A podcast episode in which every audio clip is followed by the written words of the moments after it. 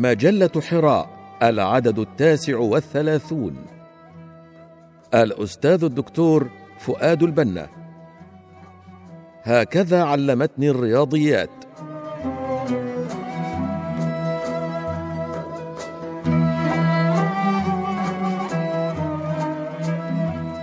لولا الرياضيات لما توضحت المناسبات بين البشر ولا بين الأشياء.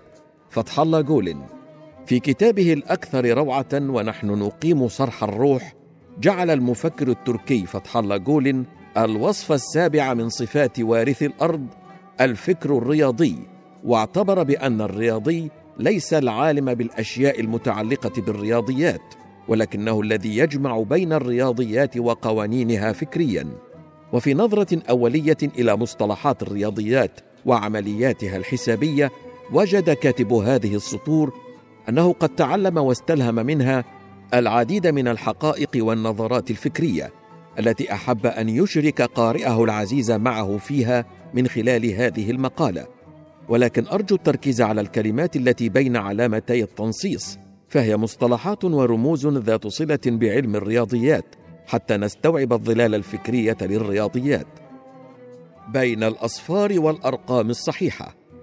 لقد علمتني الرياضيات في هذا السياق أن العرب أهدوا الصفر إلى العالم حيث حل بواسطته الرياضيون الغربيون الكثير من المشكلات العلمية وأن العرب بدون الإسلام يصبحون أصفارا على الشمال بدون قيمة.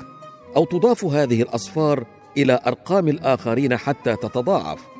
أن العرب أهدوا العالم الأرقام المعروفة الآن في الإنجليزية ومنها الصفر عندما كانوا أرقاما صحيحة وأصحاب حضور فاعل.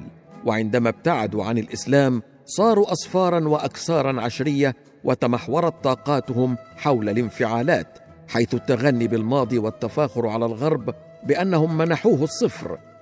أن العرب عندما كانوا أرقاما اكتشفوا الصفر وعندما صاروا أصفارا تركوا الأرقام وبقوا غثاء كغثاء السيل. أن سر ضعف المسلمين أنهم أعداد بدون إعداد وأنهم أصفار لا أرقام. أن المفلس من خاب سعيه وخسر جهده حيث حرص على مراكمة الأرقام وقطع الأرحام. أن ثلاثة رجال عندما تجتمع أرقامهم الواحدية يمكن أن يصبحوا بقوة مائه وأحد عشر رجلا.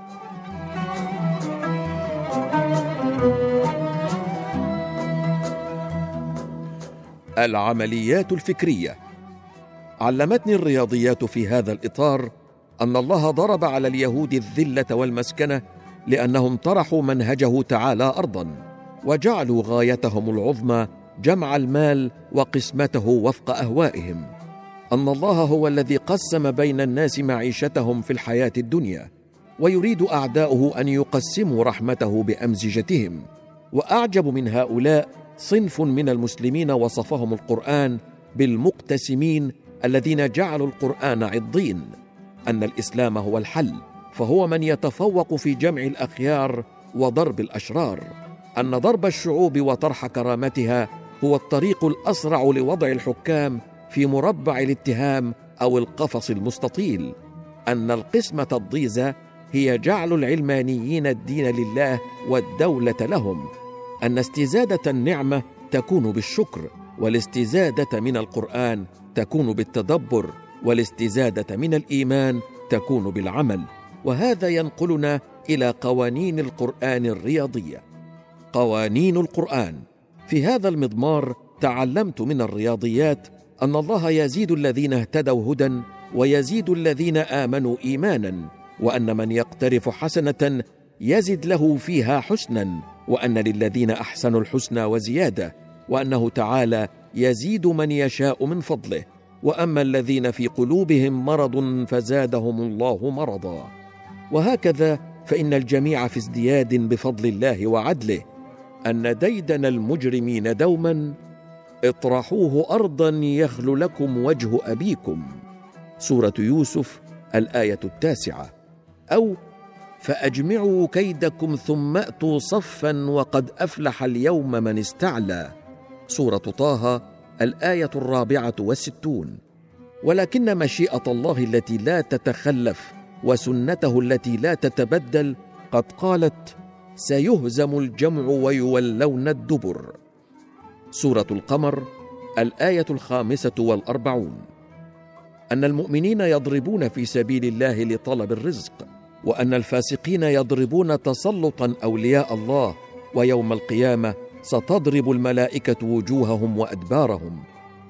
أن جمع الفراعنة لكيدهم لم ولن يغني عنهم شيئا فالله دائما يكسر شوكتهم ويطرحهم في النار. أن الويل لمن جمع المال من الحرام وطرحه في خزائن الاكتناز أو قسمه على الشهوات المحرمة بدون احتراز. أن أسوأ كسب هو كسب السيئات وأفضل خسارة هي خسارة الذنوب. وان الله سيجزي كل نفس بما كسبت. أن كل إنسان يستطيع أن يكتسب الحسنات أو السيئات في الدنيا وسيقسم عليه في الآخرة ما اكتسب وما اجترح. أن لكل نفس بشرية ما كسبت وعليها ما اكتسبت وأن من يكسب اثما فإنما يكسبه على نفسه. أن كل الأنبياء جاءوا لينذروا الناس يوم الجمع عندما يطرح المجرمون في النار أن الفكر الإسلامي حرم الجمع بين الأختين في الحياة العامة وهما المسؤولية العامة والتجارة أن عادة المنافقين دوما الخشية من أن تصيبهم دائرة وفي ذات الوقت يتربصون بالمؤمنين الدوائر. لكن إرادة الله قضت بأن عليهم دائرة السوء. سورة التوبة الآية الثامنة والتسعون. وهذا ينقلنا إلى هندسة الأفكار وأفكار الهندسة.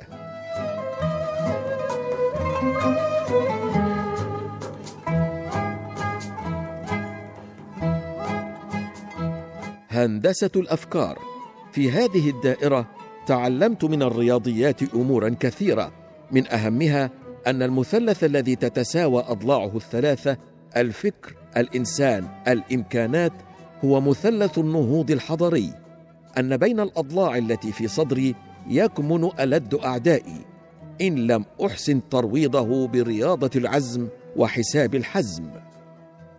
أن الحساب عسير والناقد بصير. وأنه لا نجاة إلا بهندسة الأفكار وجبر الأفعال. أن الرسم البياني لتخلف الأمة يشير بوضوح إلى أن سبب السقوط هو الجمع الغائي للمال وطرح الكرامة الإنسانية والضرب على الحائط بسائر القيم. أن النجمة السداسية ما ارتفعت إلا عندما طرح المسلمون الهلال في دائرة النسيان.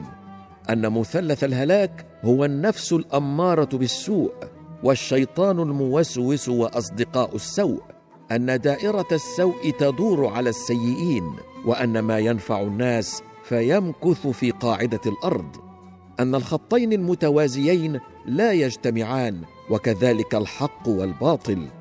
أن المستطيل على خلق الله مصيره الدخول في دائرة العدم. أن هندسة الفكر وجبر الأرواح بزاد التقوى هما جناح العروج الحضاري. طرائق العروج علمتني الرياضيات في هذا المضمار امورا كثيرة منها أن الحضارة تبدأ بطرح الإنسان للسالب من طباعه والاستزادة في الموجب منها مع الحرص على تطبيق كافة معارفه وترجمتها إلى معادلات للرقي الحضاري. أن الأمة التي تسلك طرائق المطالبة بالحقوق دون الالتفات إلى الواجبات تبدأ بالهرولة السريعة في المنحنى الحضاري إلى أن تصل إلى القاع في رسم بياني يشبه تخطيط القلب عند إصابته بالهبوط أن العروج الحضاري بحاجة إلى قوانين تتكفل بإيجاد الأرقام الصحيحة وفق متتاليات فكرية ونظريات علمية دقيقة إلى أن توجد الزمرة التي تتحمل أعباء البناء ويتوفر الرمز الذي يجعل الأماني حقائق. وكذا الجدول الذي يرتب أولويات البناء حتى يتم الإقلاع المنشود. أنه عندما يكبر المقام يصغر البسط وعندما تكبر الشعوب يصغر الحكام ويخنس الطغاة. أن المسائل الحضارية لا تحل إلا بتوازن بسط الحكام ومقام الشعوب. أن تساوي البسط والمقام ينشئ رقما صحيحا. ومن ثم فإن المجتمع الصحيح والسوي هو الذي يتساوى فيه الحكام والمحكومون. أن النظريات الإسلامية في سائر مجالات الحياة بحاجة إلى تطبيق وإلى تدريب حتى يصبح المسلم برهانا على أحقية هذا الدين بالظهور في العالم كله أن الإسلام ليس له نظير ولكن لا بد لأبنائه في هذا العصر من الاستفادة من الحضارة الغربية فإن الزوجية قانون كوني. أن وسائل الحل متعددة مع أن النتيجة الصحيحة واحدة ومن ثم فإن الحق واحد وطرق الوصول إليه كثيرة أن نقصان الأمانة وزيادة الفساد هو الوصفة السحرية لتنزل العذاب والإيذان باضطراب المقام وسقوط الأمة في دائرة التيه الحضاري ومن ثم تمكن العدو من بسط نفوذه وسيطرته. المسائل الحضارية وفي هذا السياق تعلمت من الرياضيات أنه لا يتكبر إلا ناقص ولا يتواضع إلا الرقم الصحيح كالغصن المثقل بالثمار. أن الإنسان إذا كان يعاني من عقدة نقص فإنه لن يضيف إلى هذه الحياة شيئا بل إنه زائد عليها. أن الإنسان إذا لم يطرح الطمع ويضرب الجزع ويكتنز القناعة فإنه لن يغتني ابدا مهما جمع. أن الضرب في الميت حرام. أن الاستقامة أقصر طريقة للوصول إلى حسنتي الدنيا والآخرة أن الحق خط مستقيم أن الحاكم متوسط حسابي للقيم التي تحملها الشعوب سواء كانت حسنة أو سيئة أن مقام العبودية ليس فيه محايد فإن لم يكن المرء موجبا فسيكون سالبا. معادلة طرح المظالم والسيئات زائد قسمة الحقوق والواجبات زائد جمع القلوب والإمكانات يساوي قاعدة الإقلاع الحضري.